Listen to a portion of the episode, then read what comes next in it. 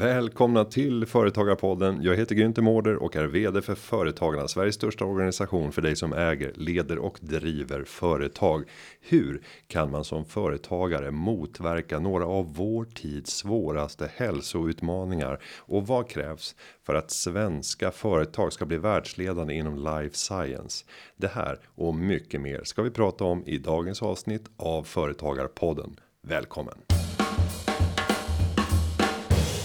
Vi säger varmt välkommen till Sana Alajmovic som är vd och medgrundare av Sigrid Therapeutics som arbetar med att förhindra två av världens stora hälsoutmaningar typ 2 diabetes och fetma. Nyligen prisades hon som årets viktigaste kvinnliga grundare. Välkommen Sanna.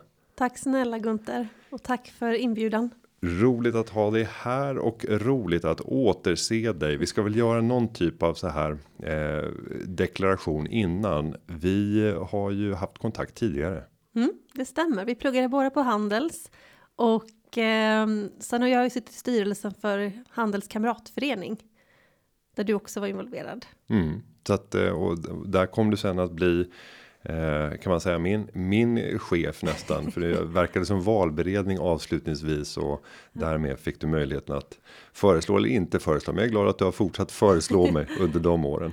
Så vi har ett förflutet. Men om vi då pratar Sigrid Therapeutics. Säger jag rätt? Du säger absolut ja. rätt. Eh, vad, vad gör bolaget? Vi är ett innovativt forskningsbolag som eh, forskar på hur man ska förhindra eh, folk att insjukna i typ 2 diabetes och fetma. Det här är ju sjukdomar som till stor del kan förhindras med bättre kost och motion och mindre stress och mer sömn. Men också att man kanske då behöver hjälpme hjälpmedel på vägen med hjälp av ny teknologi.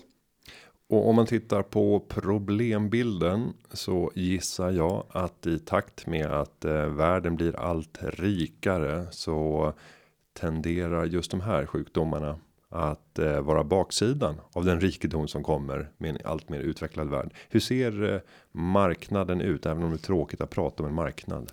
Ja, alltså det, det, vi, vi lever i en tid där fler människor dör av övervikt eh, än undernäring. Um, det är dit vi har kommit. Och um, både diabetes och fetma kommer ju, eller drabbar redan idag, miljarder av människor. Och det är inte bara i västvärlden utan även att det kommer liksom till utvecklingsländerna nu. I takt med globaliseringen och att, uh, som du säger, att ja, uh, välfärden ökar även i de länderna. Så då kommer det som ett brev på posten. Eh, och med det kommer också givetvis en marknad. Eh, nya lösningar och metoder och satsningar eh, på att försöka förhindra de här eller bota, eh, mildra eh, symptomen av de här sjukdomarna. Och om man säger den eh, bästa kuren för att slippa det eh, misstänker jag är så här en, en allsidig kost och, och framförallt mindre socker och fett. Och sen så ska vi röra på oss. Ja, så det, det, det, är inte så svårt och sova att, bättre också. Och sova bättre. så egentligen är det så här management by mormor eh, som, som i grunden kan funka. Men när det inte har funkat eller fallerat eller inte visar sig ge de resultaten. Vad är det era preparat kan göra? Mm. Så vi kombinerar ju materialteknik, eh, eh, nydanande materialteknik i form av eh, kiseldioxid. Vi har alltså utvecklat och patenterat ett helt unikt biomaterial eh, som kommer i form av ett pulver eh, som är väldigt skonsamt i att det är, består av mikrometerstora partiklar som inte tas upp i blodomloppet utan alltså verkar lokalt i tarmen. Så det här är ett pulver du kan dricka. Nu har vi gjort en gel av det så du kan ta det liksom on the go på ett väldigt konsumentvänligt sätt. Eh, och när det då kommer ner i tarmen så eh, fångar det upp enzymer, eh, amylas och lipas. Så du kan se enzymer som form av saxar som bryter ner större eh, kolhydrater och fetter till mindre molekyler, mindre substanser då som kan tas upp i kroppen. Och istället så liksom, vi är som en svamp, som en musfälla som fångar in dem och förhindrar dem då att bryta ner eh, eller att klippa då de här matmolekylerna. Och istället så går det ut då i, ja, eh, med avföringen. Och det i sin tur gör då att du får bättre blodsockervärden, bättre kolesterolvärden och också då eh, inte går upp lika mycket i vikt då. För mindre energi tas upp i kroppen. Och det är samma preparat som används för både typ 2 diabetes och för fetma relaterade problem. Ja, den första produkten då är mycket mer inriktad på just typ 2 diabetes och blodsocker och där har vi jobbat mycket mer på att fånga in um, amylasen då. Ehm, men i nästa skede, eh, i nästa utvecklingspipeline ähm, uh, då, så kommer vi fokusera mycket mer på fetman. Nu fokuserar vi väldigt mycket mer på diabetesen. Och jag sitter här och är lite så här konfundersam för du och jag har ju ändå läst samma utbildning. Ändå så har jag tänkt väldigt lite på de här frågorna. Jag sitter och funderar på vilka kurser var du gick som jag missade. vad, vad har gjort att du har kommit in på den här banan? Ja, så här är det. När jag pluggade på handel så kände jag väldigt mycket att Alltså det fanns ju två vägar att gå. Jag vet inte om du minns det på den tiden. Det var liksom konsult eller banking. Nu ser det mycket mer annorlunda ut, men, men på den tiden var det väldigt tydligt liksom att det är konsult eller banker du ska bli. Och jag har aldrig liksom riktigt gillat att hänga i Excel. Det, mm. Eh, och aldrig varit duktig på det heller. Så att jag ville ha någonting annat. Um, och uh, sökte då ett stipendie till um, handelskammare i New York. Uh, kände att ja, men jag vill, ja, vill, vill utmana mig själv och liksom se, se någonting annat och få nya intryck. Och där så träffade jag faktiskt Barbro Enbom som också är en sån handelsprofil. Som var en av de första kvinnorna eh, på Wall Street eh, som läkemedelsanalytiker. Och hon hade en satsning då just på life science. Um, Swedish American Life Science Summit och jag blev eventually då projektledare för den och kom då i kontakt med många bolag, med forskare, um, som håller på då med life science-branschen. Och där någonstans så började då min, min bana i allt det här. Och där kom du i kontakt med någon av de forskarna som har legat bakom ja, framtagandet av? faktiskt inte, inte riktigt utan jag eh, också en annan handelsalum då. Vi var ute på grill och tog en drink och i baren så stod två eh, investerare som, och eh, han kände dem så vi snackade lite och så säger han till mig, en av dem Alltså jag har precis investerat i ett nanotechbolag. Eh, mycket, mycket forskare. Vi skulle behöva någon som dig som liksom verkar vara lite sälj och sådär. Så jag blev affärsutvecklingschef på det här nanotechbolaget då. Eh, och vi hade ett samarbete med professor Tore Bengtsson.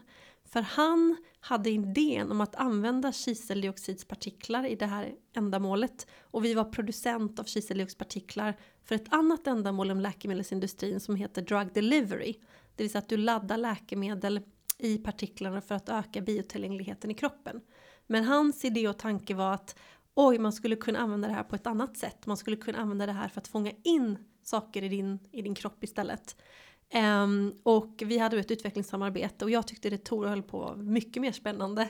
Så att eh, uh, Tore och jag tillsammans då knoppade av det som skulle komma att bli Sigrid ur då Nanologica. Spännande. Och hur länge sedan var det här nu? Det här mötet på grill? Ja, det var nog, um, kan det varit 2012, 2013?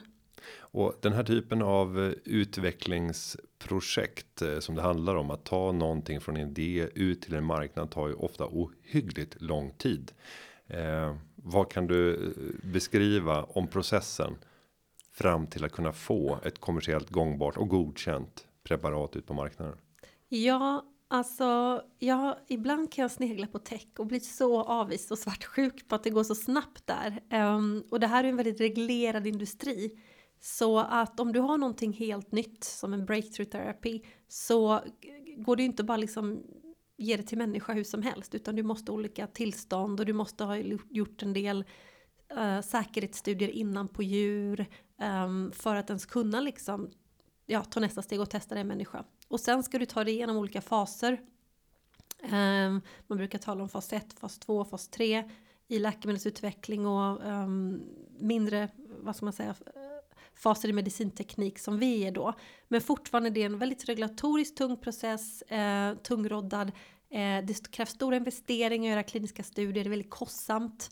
Um, och i vårt fall, den stora utmaningen har varit att skala upp det här preparatet. För Tore, när han började forska och tänka på det här labbet, då skulle han göra de här studierna i möss och då behövde han ju liksom milligram. Och sen ska det här skalas upp och bibehålla liksom exakt utformning till gram och sen då till kilo och eventually då kunna bli något som produceras i kommersiell skala i ton.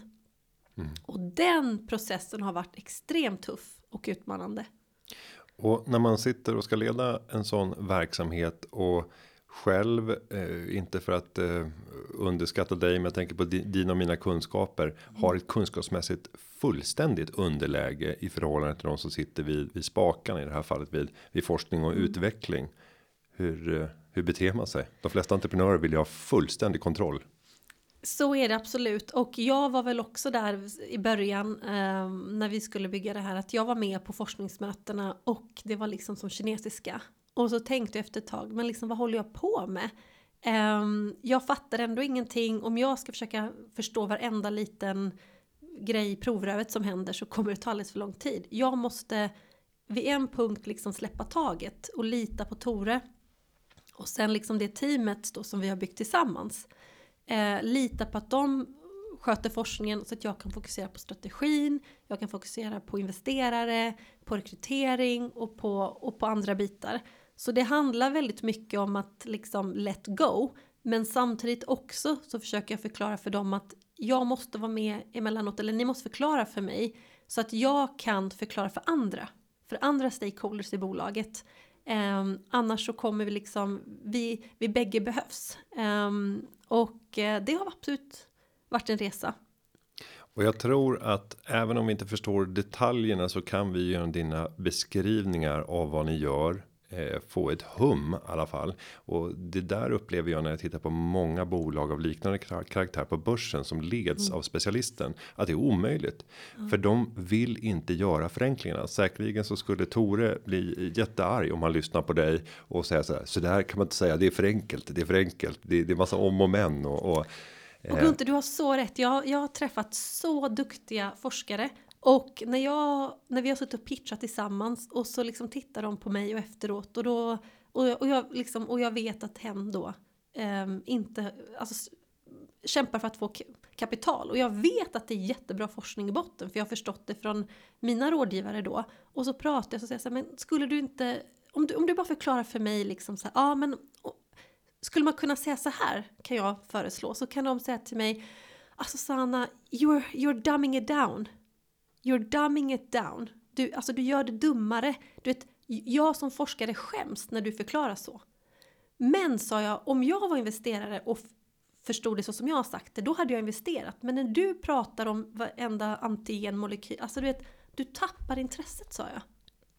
Så det stämmer absolut att det är en utmaning som forskare som har blivit entreprenörer i branschen har. Jag håller själv på och coachar ett, ett bolag som håller på med rätt avancerade saker eh, inom mm. behandlingar och då har jag introducerat en trappa där man säger så här nivå 1 första trappsteget om du ska förklara det här för en gymnasieelev. Så här, hur mm. låter det då? Om du sen går upp till någon som har en akademisk examen och kan problematisera mm. lite ytterligare. Hur ser det ut då? Om du sen går in i trappsteg 3 och tittar på någon som har insikt i den, i den här forskningen och kanske uppe på forskaren. Mm. Hur låter det då? Men att kunna ha alla de här trappstegen och visa att de finns ja. så att man inte behöver göra den här extremt kunniga insatta personen förbannad för Nej. man vet att du är på fel trappsteg. Du är inne på barnförklaringen nu och sen så kan du bara fortsätta och följa det här spåret upp till den avancerade förklaringen som ger ja. alla om och men. Men det här kostar ju mycket pengar. Du pratar om de här studierna och testerna, experimenten som måste genomföras och samtidigt så är det inte bara dem utan du måste ha mm. sjukt kompetenta personer som sitter där och, och sitter och utvecklar och sen måste du utöver det ha precis som alla andra bolag en fullt fungerande affärsverksamhet och vanligtvis har man noll kronor i försäljning under mm. år efter år efter år mm. efter år efter år och sen så det vanliga är ju att det kommer ett genombrott och då är det något läkemedelsbolag som säger att ja, det här köper vi och sen boom så säljs hela bolaget. Mm, det är den traditionella affärsmodellen för den typen av bolag. Och, då tänker jag den här vägen fram när man bara ska ha finansiering, finansiering, finansiering. Mm. Och det måste ju bli ett huvudbry för dig ständigt att ordna finansieringen för att kunna ta utvecklingen framåt. Så är det ju. Det är ju vartannat år är det ju eh, dags att resa ner pengar. Mm. Och jag har hållit på med det här i sex år nu. Um, vi har tagit in 150 miljoner. Och eh, du, de pengar du tar in måste du leverera på. Så att du, du pratar om den här trappan, ja men du har ju värdestegringstrappan här mm. också givetvis. Du vill ju hålla aktieägarna nöjda. Um, så att du vill ju hela tiden ta in till högre värdering. Och även då kunna motivera det. Så det är absolut um, um, en utmaning. Uh, jag tycker ju det är kul. För jag gillar ju också att ehm, träffa investerare. Jag gillar att gå ut och pitcha och presentera Sigrid. Jag, tycker det, jag är stolt över Sigrid. Och, um, och du får också mycket input från folk när, när, alltså när du är där ute.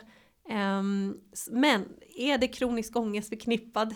Absolut med, med att liksom med att hela tiden ta in kapital. Uh, för du vill ju så otroligt gärna också börja se den här omsättningen. Du vill ju liksom bli ett sustainable bolag. Um, så att, um, nej men absolut. Och samtidigt så tävlar man mot andra bolag som kanske sitter med en fullt utbyggd läkemedelsförsäljning som har starka kassaflöden, fantastiska marginaler så länge patenten finns. Sen kommer ja. generika och börjar pressa marginalerna. eh, och det är ju den kontexten stora jättar som kan bedriva den här typen av mm. utvecklingsprojekt också. Eller så är man den här fristående spelare som ska finansiera bevisa sig. Vilka för och nackdelar ser du med att vara den här fristående spelaren som ska försöka göra det här på egen hand utan att ha de där starka kassaflödena från andra preparat som kan finansiera utvecklingen? Ja, alltså vi kan ju också springa mycket snabbare um, och uh, vi har ju en viss liksom flexibilitet. Ja, absolut, de har mycket pengar, de här stora läkemedelsbolagen, men eh, det går ju också väldigt trögt eh, det, alltså beslutsmässigt hos dem och många projekt ser aldrig dagens ljus som hade kunnat bli fantastiskt fina läkemedel. Så att vi, vi har ju flexibiliteten, agiliteten. Eh, kan du resa kapital så kan du ju liksom springa snabbt och det har vi ju kunnat nu. Vi har ju tagit in som sagt en del pengar men vi kommer också behöva mer pengar. Sen det jag gillar speciellt med Sigrid är att vi har ju också byggt Sigrid Eh, mycket med att vi faktiskt också ska kunna, till exempel vi är en medicinteknisk produkt, så vi kommer kunna komma snabbare till marknad än om vi var ett läkemedel. Och nu håller vi också på och tittar, eftersom vi har en väldigt flexibel plattformsteknologi där det då inte tas upp i blodomloppet och baserar sig på kisel som är en väldigt en välkänd eh, eh substans. Eh, så skulle vi också kunna lansera det här på vissa marknader som ett kosttillskott. Och då eh, kan du snabbare få in kassa. Um, och börja tjäna pengar. Om vi då tar ett steg eh, åt sidan och tittar på dig som person och entreprenör i den här kontexten. Vad är det roligaste med att få ge sig kast med sånt här entreprenöriellt projekt med en verksamhet som är rätt så avancerad får man säga mm. eh, jämfört med vad många andra entreprenörer kastas in i. Hur skulle du beskriva det? Eh, den är meningsfull Mm. Jag har själv växt upp med en far som var på gränsen att få diabetes. Jag har själv sett honom liksom göra den här kampen då till att inte bli sjuk till att bli då typ 2 diabetiker och funderat liksom varför finns det inga varför finns det ingen hjälp att få? Primärvården som ska hantera de här patienterna, de har inte tid. Överbelastade. Um, vi, de har tid att jobba preventivt. Um, så att så att jag, det, jag, det, det vi gör är att ta fram en produkt som kan skonsamt hjälpa till att förhindra folk att insjukna i de här kroniska sjukdomarna. Det är meningsfullt. Det, och det gör att jag tycker det här jobbet är jätteroligt. Sen också att kunna då, jag behöver inte förstå allting på liksom molekylär nivå. Att kunna släppa det taget för jag vet att jag har så otroligt duktiga forskare eh, med mig.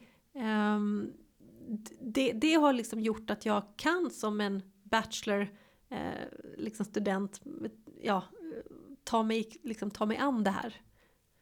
Och när är det mest utmanande i din vardag? Ja, alltså det, jag tror att det var Larry Lexell som grundade Lekta som sa liksom att vara entreprenör det är ju att leva med kronisk ångest. Och så är det ju. Det är Alltså folk frågar mig inte längre hur mår du? När jag träffar, utan eh, hur mår Sigrid? Eller vi säger att det går bra i Sigrid så då måste du må bra. Och så är det ju. Mitt, mitt känsloregister är väldigt mycket relaterat till hur Sigrid mår. Um, så att, och det har ju, nu har ju gått, vi har två fantastiska år. Uh, men, men innan dess så var det ju ett tag det var tufft att hitta kapital. Det tog tid att liksom hitta en partner för uppskalningen. Och då eh, lever du med mycket smärta, med ångest, eh, en del rädsla. Men jag har liksom lärt mig att leva med det, att leva med smärta som en del av liksom resan. Och, att acceptera den. Och jag vet liksom att det kommer inte heller vara för alltid. Du måste bara ha, hålla ut. Och om jag ser till vad eh, du och ni gör så är det ju att våga ta väldigt mycket risk för det måste man göra innan det ens kan finnas någonting att sälja. Mm. Eh, om jag tittar på många av eh, mina medlemmar i företagarna så är det nästan tvärtom. Man är oerhört försiktig. Man satsar på det som redan är känt och gör det lite bättre än någon annan eller till ett bättre pris eller högre kvalitet eller med någon typ av förändrat innehåll som gör att det finns ett existensberättigande och sen när man tänker balansräkningen. Där kan man ju mm. ta risk. Mm. Eh, man kan välja att bara finansiera sig med upparbetade ekonomiska medel från tidigare års vinster, aldrig belåna sig och där finns många av eh, medlemmarna i företagarna. Jag skulle säga att många företagare när jag tittar på deras verk är fullständigt överkapitaliserade. Mm. Man är försiktig med att dela ut pengar. Man använder ingen hävstång i att belåna sig för att mm. kunna påskynda utveckling mm. och det kan skapa frustration inom mig när jag ser vilken fin verksamhet, hur höglönsam den är och hur rätt de gör. Men de har inte råd att växa så snabbt som de skulle kunna göra på grund av att de inte vill låna pengar. Mm. Eller ta in externt kapital. Vad skulle vara ditt medskick även om det är helt andra branscher än, de du verkar i? Eh, varför är det spännande att även titta på att faktiskt snabba upp en utveckling genom att ta in externt kapital. I ett fall så handlar det inte lika mycket om att låna för att det är för mm. riskfyllt. Eh, men, men, för de här verksamheterna så är det en realitet. Det går att låna. Nej, men det finns ju strukturer inom storbolag där du Alltså du bestraffas ju för att ta risk. Eh, du, du, du, alltså, ist, alltså, du har inte byggt en företagskultur som handlar om att du försökte. Eller det här fick vi, alltså jag brukar säga till vårt team liksom när något går fel liksom.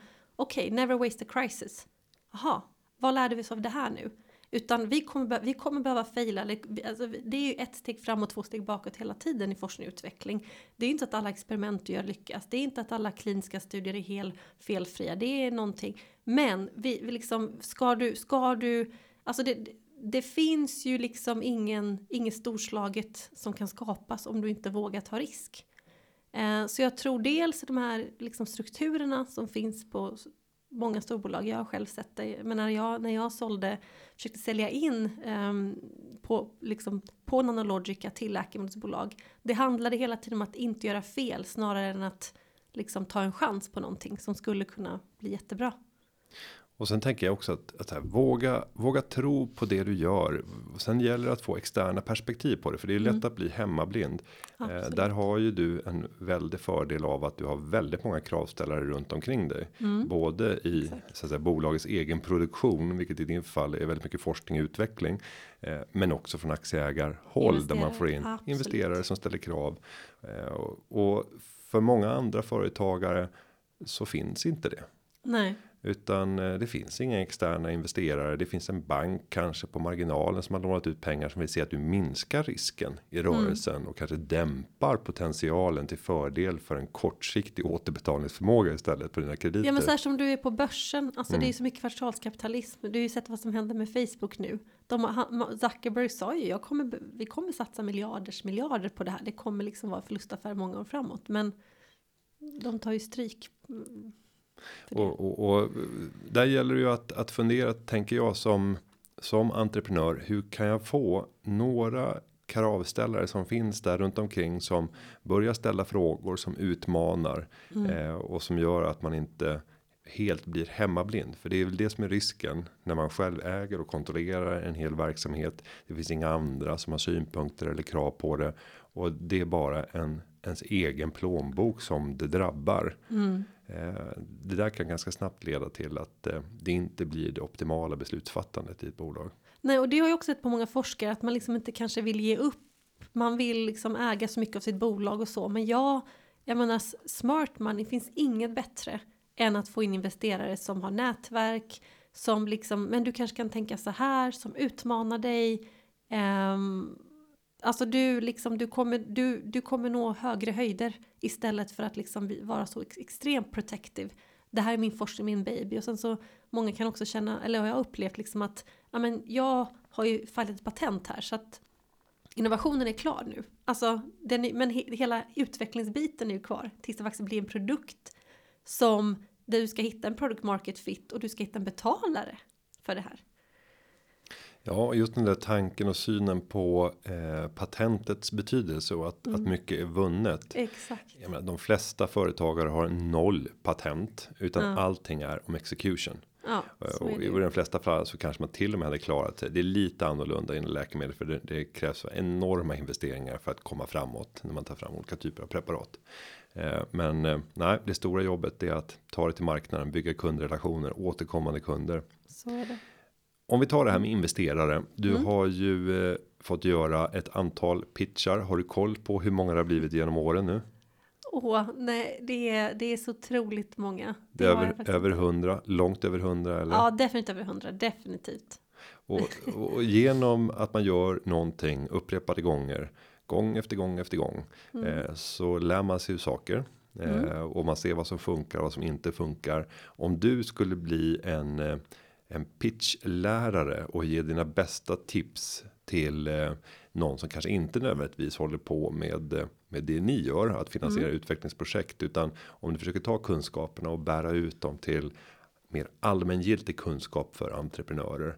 Vilka är tipsen som du skulle förmedla när det kommer till kontakter med investerare? Ja, alltså i början är det mycket storytelling. Um, sen när du väl har fått investerarna, då måste du leverera. För då blir det uppföljning. Uh, men när du står där uh, så är det liksom hur kan jag berätta en convincing story uh, kring det här. Um, jag tror att, att vara kort och koncis, att, att vara självsäker. Om du, om du går in där med ett självsäkert kroppsspråk um, så, li, så känner man liksom större tilltro till den här personen. Jag gillar alltid att man också utgår liksom från något personligt. Varför, var, varför är just du, just den här tiden och platsen liksom, att du kommer kunna göra något av det här och att du kommer kunna bygga något stort av det här. Um, så att eh, sen, det- är klart du måste ha koll på marknad, du måste ha koll på konkurrens och hur du sticker ut och liksom vad, vad som gör dig unik. Uh, men du ska liksom, du ska berätta en convincing story. Uh, och det, och sen så också så här, många tänker så här, åh men det gick inte vägen kanske. Men många investerare som jag har fått genom åren när jag har pitchat och sen känner de, nej men det är lite för tidigt. Man håller kontakten. Eh, jag har varit väldigt duktig på att bli LinkedIn-vän med dem. Vi har ett CRM-system, vi skickar ut updates. Eh, frågar dem, ja, man kan se dem, träffa dem på lunch. Och två, tre år senare har de investerat. För de har sett att Sanna och Sigrid, bolag, de gör det de säger de ska göra. Oj, ja, vilket dum misstag att jag inte var med på den första rundan. Men jag är med nu. Och, och där eh, tänker jag just den här systematiseringen. eh, För det låter som att ni ser eh, investerare nästan som vilken annan intressent om vi tar kunderna som en Mm. intressent. Eh, och, och för bok och dokumenterar ner, eh, ser var relationen befinner Mm. sig. Vilken typ av information de historiskt har, har tagit del av, vad de har Exakt. sagt. Eh, vad är dina tips när det gäller att att eh, systematisera det här arbetet för att som du säger tre år senare kunna få någon som inledningsvis tackar nej att faktiskt tycka att wow.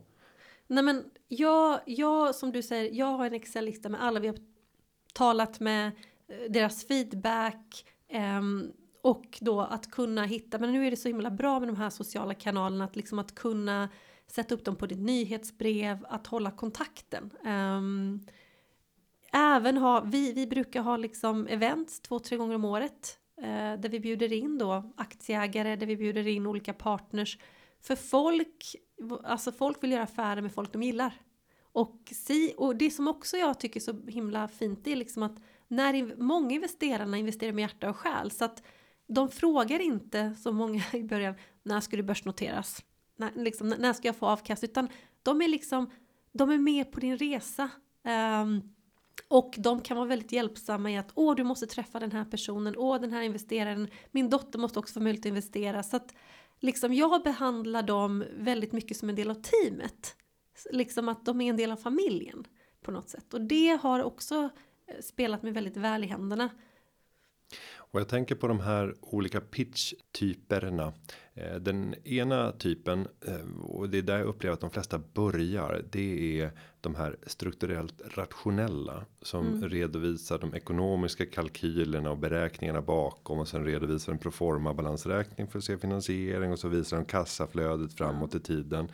Eh, Sen har vi en annan som är den här visionära som bara kommer in utan några siffror och bara pratar om de stora talen och de, de stora berättelserna. Sen mm. har du den här känslomässiga pitcharen mm. som bara försöker gripa an till människans eh, mest intensiva känslor mm. och föda sympatin och det finns säkert andra typer av pitchar, men det där är så tre typiska pitchar. Eh, om du ska tvingas blanda mellan de här och, och prata om visionären och prata om den strukturella och, och rationella ekonomiskt kalkylerande och den känslomässiga. Var skulle du säga att du lägger mest krut? Ja, alltså jag, jag tror att du måste börja. Vill du i, i mina pitcher jag har alltid liksom börjat med min egna erfarenhet av min far. Eh, och att det då så att du kan börja med det här känslomässiga för mm. att verkligen väcka folks liksom eh, intresse och engagemang. För du ska komma ihåg, investerar ju också människor med hjärta. Eh, så att börja där skulle jag säga. Men sen om du bara pratar massa, massa känslor och flum. Då, då, då känner man direkt, okej okay, den här personen kommer inte kunna exekuta på det här. Så att någonstans in liksom, så måste ju siffrorna fram och trovärdigheten i att det här är teamet som ska göra det här och vi kommer att lyckas på grund av de här faktorerna. Så att det, det finns liksom, det, det, det, går inte bara att göra en, en grej eh, utan jag tror det är en, en, en kombination av alla, av alla tre eh, behövs. Och jag tänker du var inne på det lite tidigare men att prata om så här, vikten av platsen man befinner sig på mm. och den timing som man just nu har och de människor som råkar ha kommit samman. Exakt. Att våga prata om de tillfälligheterna som har samspelat och som mm. just nu är grunden för att vi kommer lyckas. Exakt så. Eh, för titta mm. tillbaka i historien på många av de här framgångsrika företagen från it yran som sen inte blev så framgångsrika. De var spot on så här mm. rätt. De hade rätt problemidentifikation. De hade rätt team. Mm. De hade fått finansiering, men marknaden var inte mogen. Nej. Så timingmässigt så låg de 5, 6, 7 år för tidigt. Eh, och ett bra exempel är väl bo.com om mm. det är någon som är, nyfiken gå in och läs historien om uppbyggnaden av det som egentligen eh, idag är Zalando skulle man kunna jämföra ja, det med. Men de gjorde resan då 10 kanske 13. Jag vet inte, men men eh, över ett, ett decennium för tidigt. Ja, forskning visar att av alla av alla vad man säger, olika faktorer som gör att bolag blir framgångsrikt så är timing nummer ett. Mm. Är det rätt timing för den här innovationen? Och den är jobbig för den är, den är svår den är att styra över. Den är svår att styra över. Men då måste du återigen, du måste vara övertygande i att timingen är rätt. Och allt i mitt liv, liksom som har hänt mig, alla mina upplevelser har lett till att jag är destined till att göra det här, bygga mm. det här mm. bolaget. Jag är, bara, jag är bara glad och tacksam över att jag råkar ha kommit precis ja. den här tiden. ja. Hade det här varit fem år tidigare och kanske vara ärlig med att förklara ja. varför hade det här inte, inte funkat, funkat, för fem år, fem år sedan. Och varför skulle det vara för sent om fem år? Mm. Och kan man bygga den storyn då är det ju ganska lätt att göra det confident att det här är rätt tid. Om eh, du skulle ge tips till eh, andra unga. Jag vet att vi har en hel del unga lyssnare som idag kanske sitter och pluggar och funderar efter sin examen. Ska jag kasta mig in i ett entreprenörskap eller ska jag välja den enkla och säkra vägen? En hygglig månadslön, få börja i botten av en pyramid och jobba med uppåt och på sikt kanske bli partner eller mm. delägare i eh, den här verksamheten. Vad skulle ditt råd vara till den här personen som ändå överväger entreprenörskapet också? Ja. Alltså. Jag tror det också så här. Det är inte för alla heller. Um, det, mång, och, och man ska också liksom säga det att du, du, ska verkligen prata med folk innan för att förstå vad det är. För många, det, det finns en väldigt glamorös bild av att det är liksom på något sätt. Alltså de, dagens entreprenörer är ju som upphöjda hjältar eh, på något sätt. Och det finns en glamorös bild också då till det. Eh, och att det finns massa pengar just nu i stan och, och, det har varit väldigt, väldigt bra kapitalmarknadstider i alla fall förra året. Eh, men, men det kan också vara farligt om en person som inte är stark i sig själv liksom gör det där. Jag har sett många som blivit utbrända och svårt att komma tillbaka. Um, sen brukar jag säga, man, alltså, man ångrar ju aldrig sitt barn, man ångrar aldrig att man startat någonting för det har varit, man har lärt sig så mycket. Uh, man kan liksom inte förlora. Uh, även om du inte vinner pengar så kommer du vinna erfarenhet. Um, men jag, jag tror att man ska veta att det är mycket, det, det är mycket jobb, uh, det är mycket uppoffringar som du måste göra. och sen så är det mycket tur också. Inte vara för hård mot dig själv. Jag har sett liksom folk som har gjort allting rätt, som har jobbat häcken av sig. Eh, och liksom tittar man på idén, det, det låter helt rätt i tiden, men det är liksom bara inte varit, de har inte haft turen med sig. Och det finns den där aspekten också i det. Så att eh, jag har aldrig ångrat att jag inte gick konsult eller banking och, och för jag känner att jag utvecklas otroligt mycket i det jag gör. Eh, så att, och jag tror liksom att dagens unga söker också helt andra, det handlar inte bara om pengar och titlar, jag tror det handlar också mycket om att, den här, att, att jag får utvecklas, att jag får flexibilitet, att jag får med och påverka. Och, och, om man tittar på din karriär nu så har du också fått eh, väldigt många fina utmärkelser. Vad, vad betyder den typen av, av utmärkelser och eh, eh för att jag inte ska missa någonting mm. och, och så här låt tillåta dig att så här. Skryt nu. Ja. Släng ut jante ja, och ödmjukhet vara... genom fönstret. Har du fått något pris Anna? Någon gång? Nej, men vet du vad? I grund och botten så är jag nog bara den här duktiga invandrartjejen som vill göra mina föräldrar stolta. Mm. Det finns mycket av det i mig. Uh, nu har de fått sitt barnbarn så nu, nu, nu är jag sekundär. Så nu handlar det inte längre om mina priser. Men det har varit en väldigt stor drivkraft för mig. Jag har ju kommit till Sverige som flykting 92. Eh, från kriget i forna Jugoslavien. Och tvingades se mina föräldrar liksom. Eh, min mamma som var liksom domare i Bosnien liksom städa, städa hem. Eh, och, och, hus på Tylösand. Så att det, liksom, jag kände att jag ska göra revanschen åt henne. Jag förstår att inte hon kan liksom utbilda sig igen och börja om på nytt. Men jag ska göra det åt henne. Um, nu, nu är jag 35 liksom okej, okay, vi släpper snyfthistorien nu. Liksom. Jag har, jag, jag, de är stolta eh, och jag är glad över utmärkelserna. Eh, också inte bara faktiskt för min skull utan också för att de har öppnat dörrar för Sigrid. Vi har fått investerare. Vi har, jag har varit och pitchat och, liksom, och när, jag, eller när jag har vunnit någonting så har liksom folk hört av sig. Även potentiella eller framtida klienter eller patienter då. Hej, jag läste om dig i DI jag har prediabetes, jag fick för högt blodsocker under, under corona. Finns den här produkten tillgänglig? Så att den här mediala exponeringen som kanske jag har tilldelats men det har, har gynnat Sigrid enormt. Sen om man tittar på många entreprenörer så ser ju de på de som får priser och så känner man så här. Det är orättvist. Jag borde också få ett pris. Eh, att det är ingen som har uppmärksammat mina gärningar.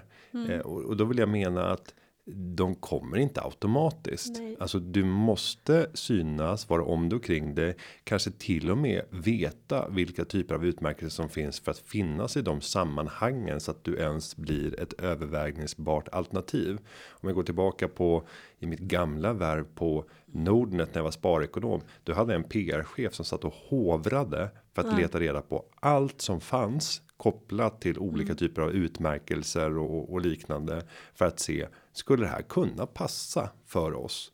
Mm. Och, och, en sån där riktigt udda grej. Det var årets pensionsspecialist. Då var det ett nätverk av några hundra stycken. Alltså de, de riktiga nördarna i branschen. Ja. Som utnämnde någon av sig det egna varje mm. år till att bli årets pensionsspecialist. Och då insåg vi att det är ju ett öppet nomineringsförfarande här. Mm. Det vi höll på med, det var att sprida kunskaper om långsiktigt sparande. Det vill säga också pensionssparande. Mm. Även om vi inte alls på något sätt var pension, eh, experter inom pensioner. Eh, och inte i jämförelse med det här gänget där alla fullständigt brädade oss. Men det gjorde att vi på marginalen kunde bli en av de nominerade. Mm. Därefter så skulle man gå in och rösta. Ja, vi hade 40 000 lyssnare på Sparpodden varje vecka. Det var inte så svårt för oss att gå ut och säga till våra lyssnare att nu lägger vi ut en länk här på Twitter, på LinkedIn och på Facebook och på hemsidan. Jag vill att ni tar en minut nu. Vi tar en liten paus och så ska vi ge ett riktigt bra aktietips efter det här. Gå in och rösta på oss som årets pensionsspecialister och vi höll ju på att få deras sajt att krascha för de tänkte att det var de här 100 200 pensionsspecialisterna som skulle gå in och fälla sin röst. Och där ser du inte väldigt viktigt. Det gäller att hassla. Ja, There's, alltså det är inget fult i att hassla lite. Ja, det är inte att bryta mot regler, men det liksom gäller att liksom ta för sig lite och liksom sälja in sig. Och, alltså som sagt, the old liksom hustle. Det är det. och sen att inte skämmas sen utan vi stod ju på scenen under den där prisutdelningen och sa att här, vi är ödmjuka inför att ni har så sjukt mycket mer kunskaper än vad vi har inom pensioner. Men vi har någonting annat. Vi har ett sätt att kommunicera ut som gör att vi kan nå människor som aldrig någonsin skulle ly- lyssna till er fantastiska kunskap. Och då räcker det om vi har 5% av eran kunskap, men vi kan kommu- kommunicera 100% av det vi kan. Ja. Och där har vi nyckeln och jag tror att det inspirerade en hel del av de där sjukt duktiga experterna att fundera och det är lite över till forskarna. Ja, så här, forskarna lite samma sak. Eh, Du kan klara det med 5% av kunskapen om, om du kan kommunicera 100 jämfört med om du kan 100 men bara klarar att kommunicera 5% så att människor förstår det. Ja. Nej, men jag, jag hade en av mina forskare som sa till mig när vi, nu när vi presenterade för aktieägarna. Hon sa Sanna, jag är alltid så förundrad över hur du lyckas liksom paketera allt vi gör på ett så liksom enkelt sätt, men utan att se ner på mig, utan liksom, för de förstår ju själva. Jag brukar tala liksom om vi är som svampen och träd, liksom, vi behöver pengar för att vi ska kunna forska. För att vi, ska, för vi, vi kan inte bygga våra egna labb. Vi behöver hyra in oss på olika labb. Så att liksom, vi, det, vi lever i en symbios sa jag och bägge behövs. Tyvärr är det så att det finns fortfarande mycket inom lärosätena där liksom det är fult att kommersialisera forskning. Det är fult att kommersialisera basforskning basforskning. Och det är en attityd som verkligen måste förändras. Och där säger du någonting eh, framförallt kopplat till alla de här företagen som är sprungna ur universiteten. Eh, och framförallt när vi börjar komma till läkemedelsforskning, life science. Eh, det är ju inte det mest kreddiga i, i de sammanhangen. Utan det kreddiga det är ju att fortsätta bedriva forskning som inte kommersialiseras men som gör banbrytande upptäckter som gör att man får väldigt fina omskrivningar i ja, vil- vilka papers det är Nature och, och, Ja, och, och, ja. och mängder av eh, akademiska publikationer där egentligen framgången mäts i antalet gånger du har blivit refererad efter att du har släppt Mm. En viktig artikel. Eh, och, och det är inte det där som kommer att förändra världen. Nej, och det är dit våra skattepengar går. Mm. Och, det, och det behövs också, det säger jag inte. Men då ska man inte se ner på de forskare som faktiskt finns på lärosätena som vill bygga någonting. Och vill att deras, alltså deras upptäckter ska bli till innovationer som räddar liv, främjar hälsa och även då bidrar till tillväxt eh, i vår ekonomi. Så att, och ska man nu försöka knyta ihop den här säcken och försöka se vad har varit en av andemeningarna med det här avsnittet så skulle jag säga att det som inte har sagts men- som har funnits mellan raderna. Det är i anslutning till alla lärosäten så finns det science parks och inkubatorer där det är väldigt många forskningsintensiva bolag. Det råder inte brist på kunskap när det gäller att utveckla någonting som kan lösa ett problem, men det råder ofta en avsaknad av kompetenser på det affärsmässiga. så är det. Är du en entreprenör, du har inga forskningsmässiga kunskaper inom de fälten där de här bolagen bedriver sin verksamhet. Men du kan business, du kan sälja, du kan tala för en vara, du kan leda team. Då finns förutsättningarna att faktiskt ta dig in på de här miljöerna för att börja träffa eh, den här typen av bolag. Om du skulle ge bästa tipsen för att kunna komma in i de här miljöerna. För att det är ju också lite avskräckande för en entreprenör att komma in och kanske inte ha någon, någon eh, grym utbildning och kunna skryta med överhuvudtaget.